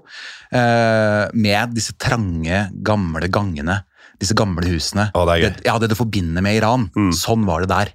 Eh, og der hadde de booka en restaurant som de kjente til fra før, som lå liksom, Du måtte gjennom et palass, gjennom en sånn oasehage, og ned en kjeller og opp i et annet eh, palass. Eh, som var bare helt, helt magisk, eh, rett og slett. Og da, da kjente man at nå er jeg i Iran. Dette er dette jeg forbinder med Persia, liksom. Ja. Det høres herlig eksotisk ut. Mm, det var det. Um, hvis jeg forsto det riktig, så var dere innom Isfahan også. Mm. Det, jeg husker ikke lenger hvorfor, men uh, det har jeg også tenkt er sånn sted jeg må dra innom hvis jeg først er i Iran. Mm. Uh, var det? Det er vel kanskje eh, den turistattraksjonen jeg har blitt mest Og nå snakker jeg om det store torget de har der, eh, som jeg har blitt mest imponert over. Oi. Ja. Eh, Snakker vi da i Iran, eller generelt? Generelt. Uf. Ja, ja, Det var så vakkert. Fordi da kom vi kom ganske seint på kvelden eh, til Esfan, eller Isfan, jeg er usikker på hva som er riktig. Eh, og tok inn på hotellet der, eh, og gikk da for å oppleve byen litt før det stengte. Eh, og den byen stenger jo ikke, eh, så vi kom dit i tolvtiden. Vi kom til, jeg har skrevet ned dette her også, Naks Ejahan Square, som ligger veldig sentralt i Esfan. Eh, og det var lyst opp med masse, masse, masse, masse små lys, og det, det, dette var jo da iranernes fredag. Mm. Eh, Så alle var ute, eh, fløy drager. Eh, Alle familiene var samlet, alle barna var oppe etter klokka tolv. Så vi gikk bare opp og satte oss på en sånn takrestaurant og bare så utover og drakk te. Mm. Og det tror jeg kanskje er et av mine beste minner, sånn, hvis du tar hele livet. Ja. Altså det, det mener jeg. Det var helt utrolig. Det er sprøtt også man husker tilbake til sånne der, snapshots. Mm. Sånn akkurat der og da, Ja. så hadde jeg det sånn. Ja, Lykke. Det var, det var en sånn lykkefølelse Ja, som man sjelden kjenner på. Og det er ikke nødvendigvis eh, der du forventer å treffe den følelsen. Nei, det er ikke det. For det er litt sånn, det er fort gjort å tenke her hadde vi gjort seg med en flaske vin eller, ja, eller noe. Du trengte ikke det. Nei. Det er bare å stirre utover. Mm. Masse små lys og ja, Ja. veldig sånn familiestemning. da. Ja, for jeg har, eh, har alltid tenkt sånn at eh, hvis man drar til Iran, eller eh, i anførselstegn et lignende type land, så blir det sånn man må ha det hyggelig, og man må ha det gøy til tross for at man ikke kan drikke. Mm. Eh, Det høres ut som dere fikk til. Ja, vi gjorde det. Savna egentlig ikke alkoholen eh, noe særlig. Det er oppløftende. Ja, veldig. Tok oss selvfølgelig noe øl på ambassaden og sånn, det gjorde vi. Ja. Men eh, nei, det trengte ikke det i det hele tatt. Eh, Så det var, det var helt magisk. Eh, Det som ikke var så magisk, var jo hotellrommet vi fikk, for eksempel. For det er jo litt sånn, er litt sånn halvveis løsninger på ting i Iran, så vi bodde jo i en gang. Rett og slett, det var et, et, et, et, Altså en korridor. en korridor, ja. Som plutselig hvor det sto tre senger sånn rundt hjørnet. Så min seng var på vei inn på do, eksempel. Så der måtte vi bo, da. Men var det, gikk folk forbi og sånn? eller? Nei, det var heldigvis lukket, så øh, vi slapp det, da. Men det var åpenbart ikke et rom, Nei, egentlig. Det har aldri vært et rom. Det, det har vært gang, ja. Eh, Så det er bare nok en sånn ja, dette var litt artig, liksom. Ja. Eh, og så Dagen etter så gikk vi og opplevde det armenske kvarter i, i Esfan. Mm. For det virker som iranere og armenere har en sånn eh, ok Veldig godt forhold. Ja, veldig godt forhold. Da jeg var i Armenia, så de har jo fire grenser. Ja. Det er eh, nord og vest og øst og sør. Ganske nøyaktig. Eh, og de sa da at vest og øst er stengt. Det er jo henholdsvis Tyrkia og Aserbajdsjan. Mm. Null diplomatiske forbindelser. Eh, nord og sør vidåpent. Ja. Det er Georgia og Iran. Nettopp. Og jeg var i Jerevan, så var det jo sånn at eh, det nesten var litt sånn Strømstad-feeling. For det kom bokstavelig talt busslaster fra Iran, eh, kanskje spesielt Tabris, da, som er den nordlige storbyen der, Mm. nærmest grensa. Mm. Da kom iranere for å være noen dager i, i Armenia, og da gjorde de alt de ikke får lov til. Ja. Da er det drikking, og det er svinekjøtt og sånn. Det var dødsfascinerende. Ja, det er gøy. Eh, han ene møtte jeg på omvisning på Brandy-fabrikken, eller konjakkfabrikken, i Ararat i Armenia. Ja. Og um, da vi var på sånn giftshop etterpå, så skulle jeg selvfølgelig ha med en flaske og greier. Han endte med å ta med seg to glass. Mm. Uh, og det, det hadde han lov til, da, fordi det kunne de ikke si noe på i grensa. Men uh, å ta med en flaske, det var helt uaktuelt. Ja, ikke sant. Litt seinere på kvelden så er vi på sånn vinsted, og da er det sånn charcuterie-greie, ikke sant, med, med litt uh, spekemat og ost og sånn. Og så er han i ferd med å ta en slags salamibit, og så bare ser jeg sånn Oi, uh, veit du hva du gjør? Hey, it's pork, right? Bare gafler i seg. Han var uh, when in Rome. Selvfølgelig, det er klart det. Uh, ja, så gøy. Eh, fordi, ja, eh, Tilbake til det armenske kvarteret også, så var det jo tydelig at de har et godt forhold. da. Mm. Fordi iranerne har lagd en svær utstilling på en måte, om det armenske folkemordet Mm. i 1915, vel? Typ. Stemmer. Ja. Og en annen eh, interessant greie her er at uh, armenerne har jo også hatt, uh, eller de har, et uh, kvarter i gamlebyen i Jerusalem. Mm. Eh, og de har blitt eh, ganske sånn greit kjeppjaga av israelere. Som helt sikkert ikke har mildna Irans uh, velvilje da, overfor armenere. Det har du nok helt rett i. Mm. Det tror jeg nok. Eh, Så der var det beinrester. Det var på en måte et sånt interaktivt kart over hvor disse folkemordene hadde funnet sted. Eh, Og en svær kristen kirke bare midt i Esfan. Mm. Eh, Masse turister der, for så vidt. Men det var litt bare Ja, ikke sant. Det er en sånn slags sånn veldig respekt for akkurat eh, Det, det var overraskende for både Det er jo iranske jøder, og det er iranske kristne også. Mm. det jeg tror ikke de blir, blir behandlet like bra som muslimer, men likevel så blir de ikke, blir ikke kjeppjaga heller. Nei, de, de får være. Ja, De får være. Mm. Det gjør det. Det er jo også oppløftende. med tanke på at det er jo det offisielle navnet er jo Den islamske republikken Iran. Mm. Eh, og når du ser draktene deres i VM-sluttspillet, sånn, så står det alltid IR Iran. Ja, det, det står det. ikke bare Iran. Nei, jeg skal ha med det, ja. Ja. Så de er jo veldig nøye på, å si hva de er. Å ja, ja, ja. Helt klart. Eh, men det bare bygger opp under det inntrykket at liksom, Iran er veldig veldig tøffe på skorpa, liksom, på overflaten. Så er det et helt annet samfunn som lever og ånder under det. da. Mm. for alle vi møtte der også i Esfan, eh, selv om det er en konservativ by, eh, så var det, altså, det var så hyggelig. Det var virkelig hyggelig, altså. Eh, og Der røyka vi vannpipe i en kjeller. Litt sånn der, eh, altså, Som Vålerenga-fan så er jeg vant til disse brune pubene på Vålerenga. Og det, vi fant på en måte den i Esfan. Den Mm. der slitne kjelleren der med liksom, litt slitne gutter og sånne ting. Og så satt vi og spiste og røyka vannpipe der. Og det er, bedre kan man jo ikke ha det. Nei, man kan kanskje ikke det. Nei, Jeg tror ikke det. Eh, Det er vel kanskje han som bor på gangen på et eh, litt shady hotell som snakker der. Ja, det er nok det. det. Dette er toppen av velværet akkurat nå. Det er nok det. Nei, så det var jo på en måte, Så kjørte vi jo hjem. Det tar jo fort en seks-sju timer ned dit, da. Så det var en lang vei hjem. Eh, Gjennom ørkenen. Ja, gjennom ørkenen. ja. Så vi var jo da ikke så langt fra Irans atomkraftverk da eh, dronning Elisabeth døde. Oh, ja. Det husker jeg fikk en push-varsel om det, og så da var det sånn, ja, så sa han Vi reiste med at ja, det er, nå er vi i nærheten av, liksom. Og det er jo en av grunnene til at du skal jo ikke ta bilder så mye av iransk natur. For du aner ikke hva du tar bilde av. Nei. Det kan fort være et eller annet som er hemmelig. Ja. Så der var jeg litt, der var jeg liksom forsiktig, da. Det er veldig greit å vite. Ja, veldig. Jeg registrerte at du sa push-varsel. Ja. Eh, er eh, Altså, jeg vil jo tro at datapakker og sånn er bare å glemme. Det er svindyrt. Ja, ja, ja. Jeg har ikke sjans. Men Men vi, eh, løste dere dette? vi kjø, kjøpte et iransk SIM-kort Ja, med ganske mye data, Mm. eh, og brukte det. Og det var egentlig veldig Det var lett. Det funka veldig bra, altså. Ja. De gjorde det. Så må du ha VPN, da, eh, for du, alt er blokkert der. Alt er sensurert. Mm. Selv om regimet bruker Instagram for det det har vært. Ja. Men du kommer ikke inn på Instagram. så ja.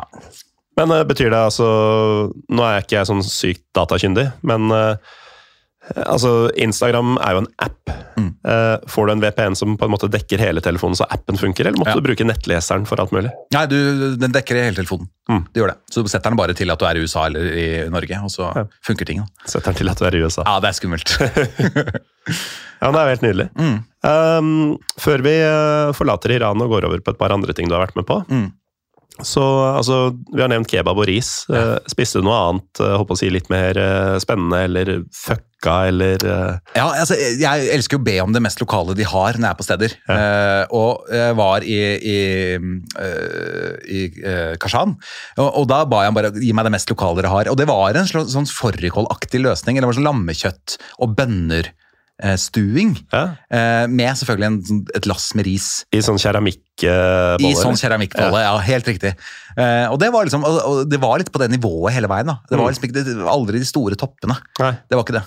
Aldri noe sånn at de ler av deg mens du spiser, for de har ikke fortalt deg hva det egentlig er. Nei, det var ikke det heller.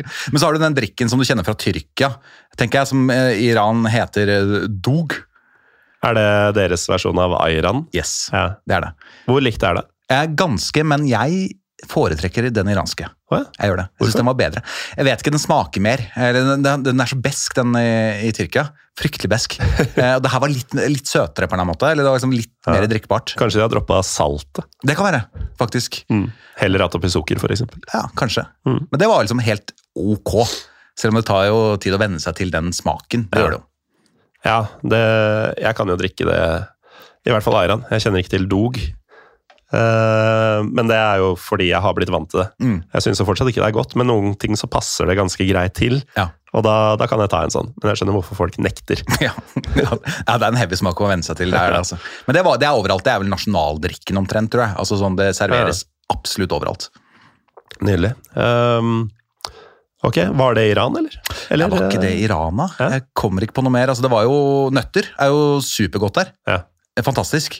Så jeg har jo en iransk venn her hjemme som ba meg ta med masse nøtter hjem. Eh, Så jeg kjøpte jo nøtter for 14 millioner, Mm. som ikke er så mye, da. Det er vel rundt eh, 350 kroner, tror jeg.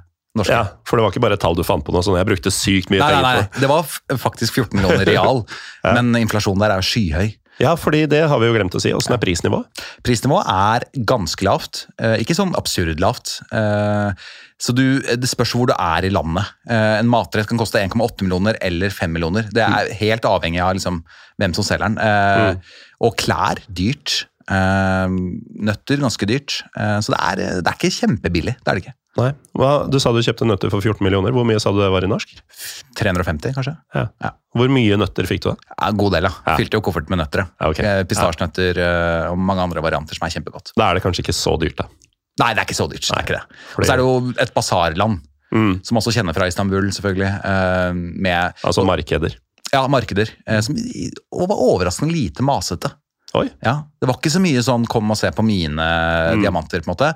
Eh, Men det, var jo, det er jo sånn folk som skor seg på turister der. Så du Ja. dukker opp med en gang du kommer inn og skal selge deg persiske tepper. da, ofte. Ja. Tepper, safran, eh, hva mer? Yes. Eh, tepper, safran, neseoperasjon og på, en På basar. Ja, omtrent, liksom. Kom inn på bakrommet mitt en tur. Jeg Ja. har meisel. Ja, meisel. Jeg hugger, og, og juggel er det siste, da. Ja. tenker jeg. Ja. Det er, eh, det er Grand Bazaar i Istanbul, bare uten eh, neseoperasjonene. Ja. Så vidt jeg veit, da. Ja. Um, ok. Vi har jo nevnt Istanbul et par ganger. Uh, og du, har- du har vært der én gang, eller? Jeg har vært der én gang. Ja. Mm. Det var ehm, tider med schwung over, har jeg skjønt. Ja, ja.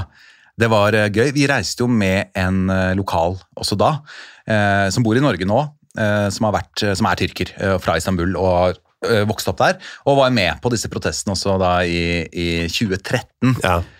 Dette ble jo utafor fotballsesongen, Ja, det gjorde det. eh, så det, dette er ikke en fotballhistorie. Nei. Men du havna i det? Nei, jeg havna ikke i det, men jeg havna der. altså Vi, vi fikk en omvisning på det i, eh, i denne parken, da, Ja. eh, hvor disse opptøyene eh, skjedde. Og det var jo på en måte Erdogan som ønsket å bygge et slags sånn urbant område på en av de få parkene i Istanbul, Ja. hvor da veldig mange eh, protesterte mot dette her. Og det utviklet seg vel til å bli en ganske sånn heftig basketak. ja. Protest mot noe helt annet eh, til slutt. Ja, mot regimet, rett og slett. Ja. Eh, og, da, og vår venn var jo med på dette her. Eh, Så hun viste oss på det her så vi i telt, her ble vi tåregassa, på måte her ble folk skada. Og hun var jo på en måte på var det albansk TV eller noe da? Det var et eller annet sånt. Hun var en sånn talsperson litt for de opprørerne. Ja. Eh, Så hun har jo flytta derfra nå. Men kommer seg greit hjem. men ikke, Jeg tror ikke hun står på noen lister. Eh, Men det var også veldig sånn interessant å bare Og det var vel Besjikta som var ganske heftig inne i den eh, Ja, eh, det er jo litt sånn, det er jo lagd en egen dokumentar om akkurat det, fordi et, eh, en av de mest symbolske handlingene under de opptøyene var at du kunne se Besjiktas, Galatasaray og Fenerbahçe-fans gå skulder mot skulder, hånd i hånd om du vil, mot politiet, altså i front for å beskytte eh, vanlige folk da, når politiet gikk til angrep. mm. Um, men Besjiktas var, eh, og dette sier også mine fenerfolk, Besjiktas var klart mest aktive Ja. i det. Besjiktas er jo også den delen som ligger nærmest Taksim Ja. av, eh, av de tre. Ja, Det er litt vanskelig å si hvor Galatasaray kommer fra sånn helt uh, geografisk, Mm. men uh, Besjiktas er rett rundt hjørnet. Eller rett ned en bakke, egentlig. Ja, ikke sant. Ja. Nei, så, så det, var, det var også igjen da, litt den der dark tourism-aktige Mm. delen som, um, som er veldig interessant. Ja, for du, um, Hvor lenge etter opptøyene var du der? Eh, nei, jeg var der. Det, dette var i år. Å, ja, okay, og ok, slett. ok. Ja, ja. Ja. eh, Så, Så du var ikke der i 2013? Nei, jeg var ikke det. Nei, nei, det var ikke. nei, men da, da gir det mye mer mening. Da tror jeg jeg hadde stukket av. Jeg tror ikke jeg hadde turt å blande meg inn der. altså. Nei. Eh, Um, nei, Jeg vet ikke hvor jeg hadde det fra. Det er sikkert feberfantasiene mens jeg leste meldingene vi sendte i forkant. Men jeg hadde fått for meg at du faktisk hadde havna i tåregass der. ja, riktig, ja. ja. Sånn, ja. Nei, Det hadde vært, selvfølgelig vært stas, det. det har jeg ikke, da. Ja. Nei, det er, ikke, det er ikke så gøy som du tror, altså. Nei, hvordan føles det å, å bli gassa sånn? Uh, nei, altså det Det har vi jo snakka om i en episode, faktisk. Jeg tror det er nummer 22. Uh, om de to gangene det har skjedd med meg på Fenerkamp. Ja. Uh, det som eh, Jeg syns jo tåregass er et litt misvisende begrep. Fordi inntil jeg følte det sjøl, så trodde jeg at det var det det gjorde. At du fikk øya til å renne, og at du ble satt ut av spill pga. det. Mm. Men eh, det svir jo i halsen og i huden og alt mulig, og det, det blir jo litt sånn pustebesvær av det. Altså du, du føles litt som du kveles, mens du egentlig du puster mer enn bra nok til å overleve, men det føles ikke sånn. da. Mm. Så kroppen kan jo gå inn i ordentlig panikk. Å, fy fader. Men sitter det lenge i òg? Altså, eller blir du kvitt det ganske kjapt? Du blir for så vidt kvitt det ganske kjapt, men eh, det blir jo liggende i lufta, så du må ganske langt vekk fra der det har foregått for å, for å bli helt uh, fri fra det. Mm. Eh, og så blir jo de, eh, de saltpartiklene, eller hva det er for noe, eh, de blir jo sittende litt i huden. Så trikset de hadde, var å kjøpe masse sitron og gni huden med Ah. for å dra det ut. Ja. Ja, Det skal jo sies at vi, Da vi var der også, så var vi ute med en del tyrkere. Eh, og da var det en eh, hvis kjæreste eh, var ute og demonstrerte og ble fengsla eh, og satt på glattcelle. Og da var det litt sånn derre ah, Nå er han på glattcelle igjen. Ja, liksom, det var liksom femte gangen. Og ja, han fikk litt juling, men det var ikke så ille som sist. Altså Det var litt den holdningen der, da. Sånn som skjer. Ja, ikke sant, sånn som skjer. Det er jo veldig interessant å være nær på det, da. Nei, det er eh, litt av en region vi har snakka om i dag. Det er det. Eh, Hvor, eh, hvor er neste drømmeferd for deg? Jeg har en kjæreste som har bodd i Rwanda. Eh, så det er vel kanskje Jeg maser på henne om å ta meg med dit. Eh, hun bodde i Kigali uh, og reiser rundt i på en måte Uganda, Etiopia, Rwanda-delen av verden. da. Tror jeg ville vært utrolig spennende. Eh, og kanskje gå på en kamp det. Sett rwandisk toppserie, liksom. Ja, da, da må du komme tilbake hit. Da kommer jeg tilbake. Eh, uansett, eh, Andreas, takk for at du eh, var med her. Eh, veldig interessant å høre om, eh, om Iran. Ja, takk for at du min- inviterte.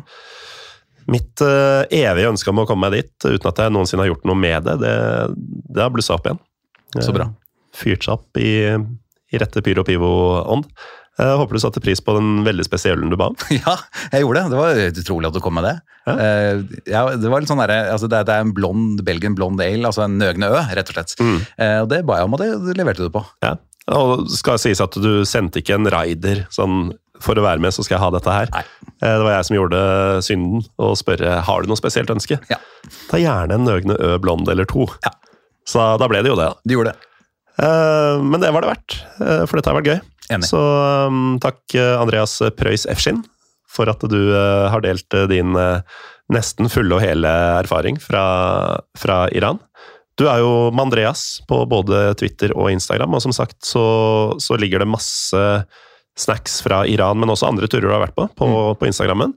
Og du havna jo på radaren her pga. en tråd som vi retweeta, eh, hvis folk ser etter den, på Twitter om, eh, om nettopp Iran-turen. Hvor du sa for øvrig at det var en veldig obskur footballogy, eller groundhopper som jeg kaller det fortsatt, eh, innsjekk. Mm. Den var der. Altså, du fikk sjekka den inn. Ja, ja. Herlig. Den lå der. Nydelig. Pent. Uh, takk til deg. Takk til deg som hører på. Jeg er eh, en nesten helt frisk plutselig Morten Gallesen, som beklager de snufsa som har kommet med. Eh, jeg har prøvd å skjule det, men det gikk jo ikke. Uansett, vi er Pyro Piopod på Twitter og Instagram, og vi høres eh, forhåpentligvis neste uke.